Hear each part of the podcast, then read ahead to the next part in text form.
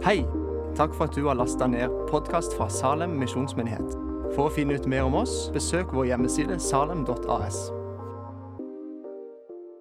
En kjent NRK-profil uttalte en gang at eh, i russetiden hans, som var her i Kristiansand, så var det to grupper av russeungdom.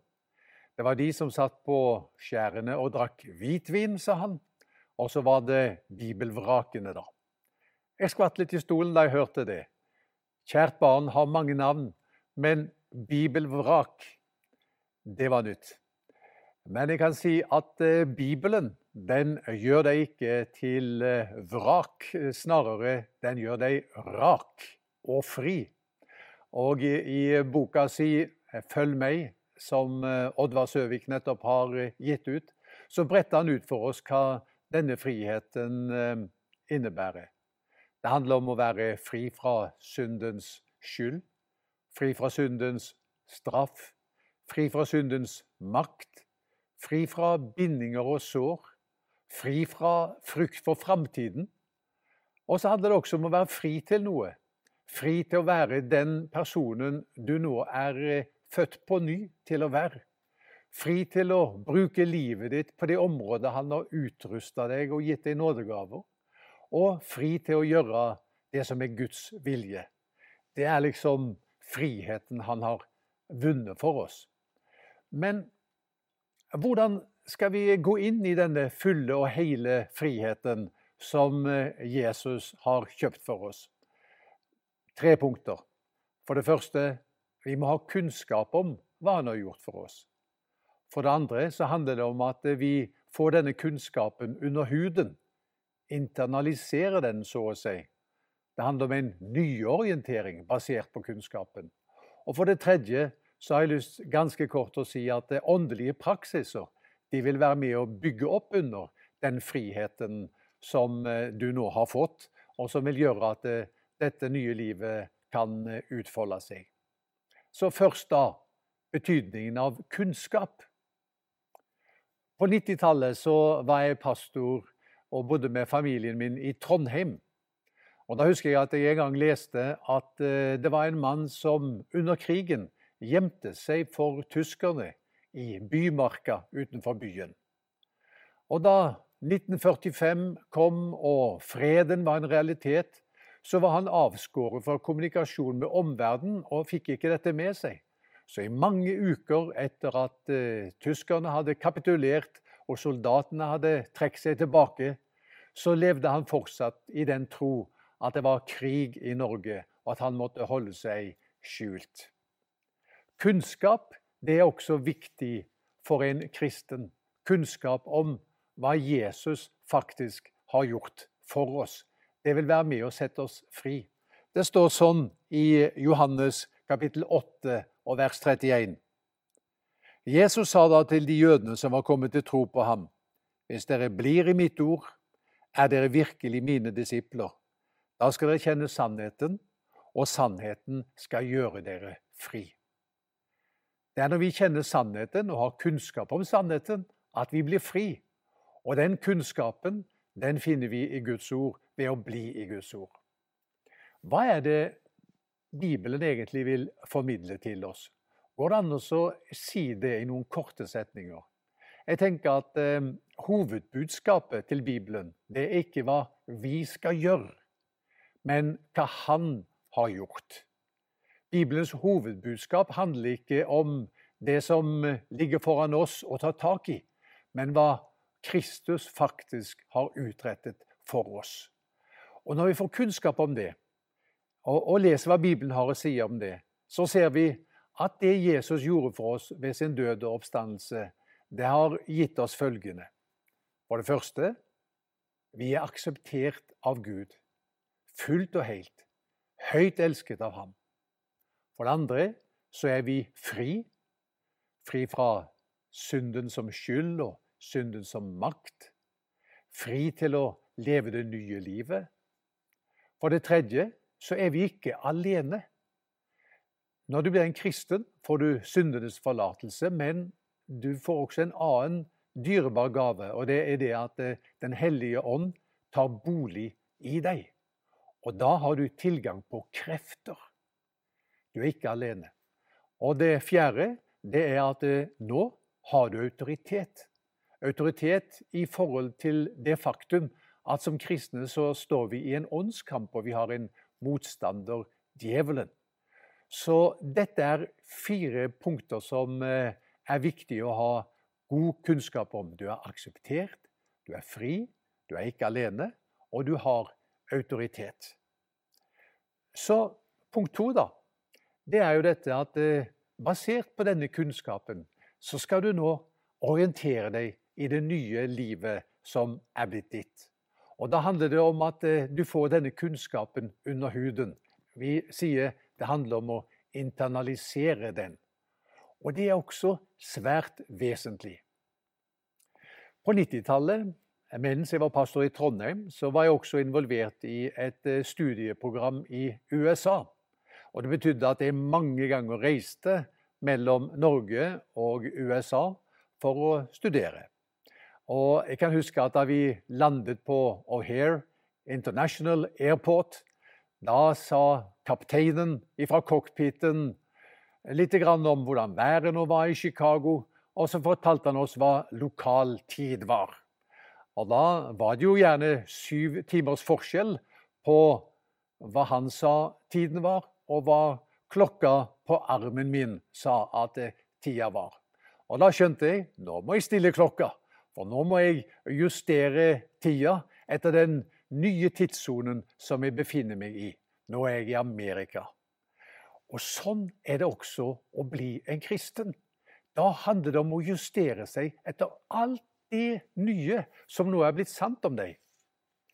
Jeg syns jeg har lagt merke til noen ganger at jeg møter kristne som har nye hjerter, men fortsatt gamle hoder.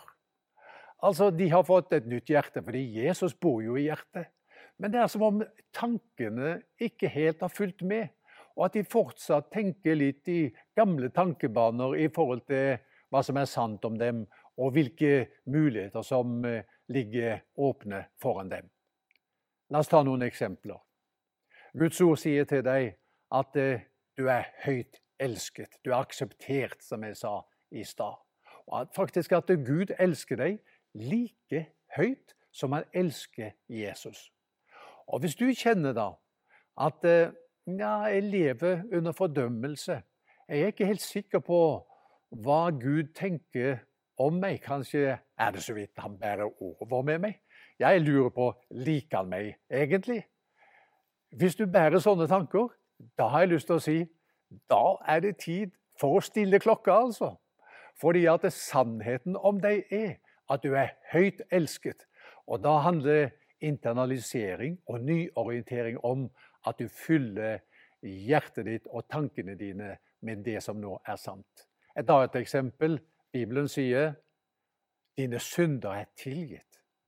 Og Hvis du da fortsatt tynges ned av skyldfølelse og føler at eh, du må gå så å si strafferunder, sånn som skiskytterne må gjøre vet du, når de bommer på målet, og så tenker du at det er nesten så du må sone på en eller annen måte, for du kan ikke være riktig glad fordi du har ikke levd opp til den optimale utgaven av deg selv.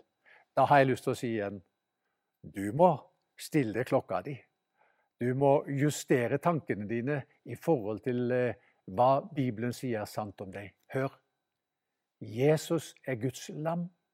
Han bar dine og mine synder. Og han lot seg tynge ned under byrden av våre synder for at vi skulle slippe å tynges ned av disse byrdene. Ser du? Og sånn kan vi ta område for område. Når Bibelen sier én ting, og vi i våre tanker tenker annerledes, da er det tid for å stille klokka. Da er det tid for nyorientering. En historie, et eksempel som kan illustrere det. Det var en mann som eh, hadde opplevd mange tap i livet. Han hadde fått dårlig helse, han hadde mistet jobben, Ekteskapet hans var gått over ende også. Og så hadde han gått til forskjellige leger uten at han syntes han hadde fått noe hjelp. Men så er det at uh, han en dag uh, får høre at det er en kristen lege. Han, han er virkelig eh, god. Han har hjulpet mange pasienter. Og han tenker jeg får ta og gå til ham. Det gjør han.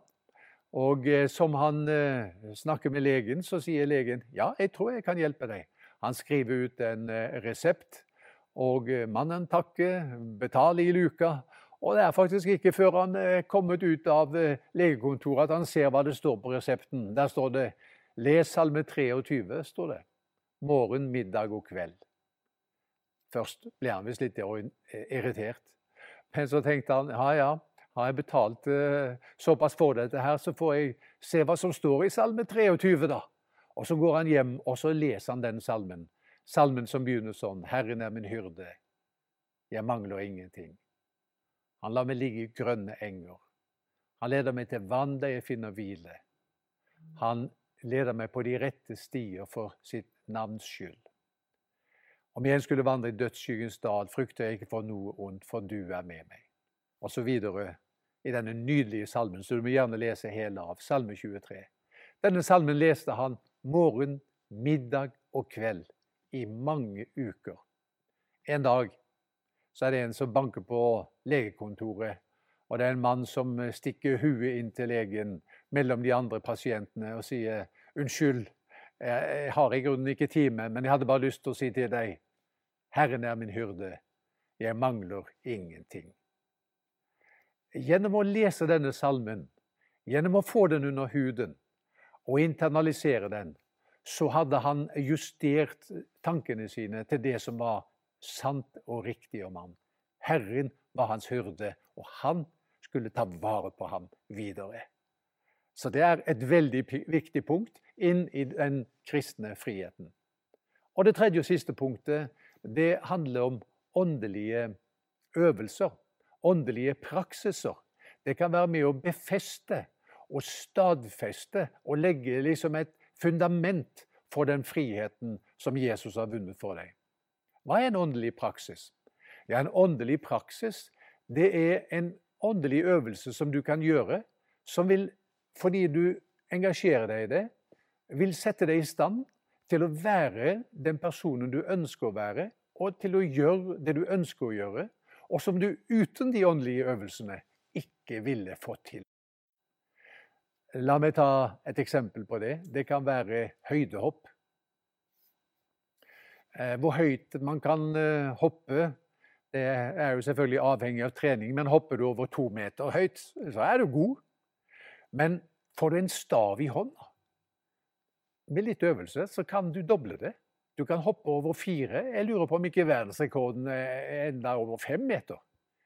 Og hva staven er for høydehopperen, det er de åndelige øvelsene for, og de åndelige praksisene må jeg si, for ditt åndelige liv. Det setter deg i stand til. Det legger et fundament som gjør det mulig for deg å leve ut den friheten som Jesus har vunnet for deg. Bibellesing er en sånn åndelig praksis. Og det er klart Når du har kunnskap om hva Jesus har vunnet for deg, og dette er med å forme livet ditt, så er det med å legge en, et grunnlag for at du kan leve denne friheten ut. Bønn er en annen sånn praksis. Og Det som jeg tror er viktig, det er at uh, dette veves inn i livet vårt og blir en regelmessighet, at det blir gode vaner. Både bibellesing og bønneliv. Og vet du hva? Når det blir en del av livet ditt, så setter det deg i stand til å være og gjøre det du uten det ville strevd med. En annen ting som jeg har funnet også, en veldig god åndelig praksis, det er én dag i uka å sette den av til hvile og til tilbedelse. Det står i Bibelen du skal holde hviledagen hellig. ikke sant? Og det å ha én dag i uka der du ikke gjør det som kommer under kategorien vanlig arbeid, sånn som du har det, og at du setter den dagen av også til å glede deg i Gud. Glede deg over livet. Glede deg over skaperverket, over et godt måltid mat, en god bok, over musikk, en tur i naturen. Alt dette, det er med på å gi livet ditt en ballast som gjør at du kan møte livets utfordringer, hvordan de enn arter seg på en helt annen måte enn om du ikke har det med deg. Så det er altså hva Jesus har vunnet for deg, og denne friheten kan du gå inn i og få leve ut. Gud velsigne deg. Jesus er hos deg nå, og han sier hvis Sønnen får gjort deg fri, da blir du virkelig fri. Det er en erfaring jeg har gjort, og millioner av mennesker med meg. Gud velsigne deg til å åpne hjertet ditt for ham og ta imot ham. La oss be. Herre, vi takker deg for at du kom for å gjøre oss frie. Vi takker deg for at du kom til å gjøre oss rake.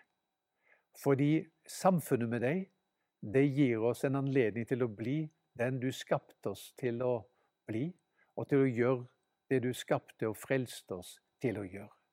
Så jeg priser deg, Herre, for at jeg nå kan få be for alle som har fulgt denne gudstjenesten, og be at de skal få lov å erfare denne friheten i sitt eget liv. Takk at du er der hos dem. Takk at du vil ta dem ved hånden og lede dem inn i det livet du har for dem. I Jesu navn. Amen.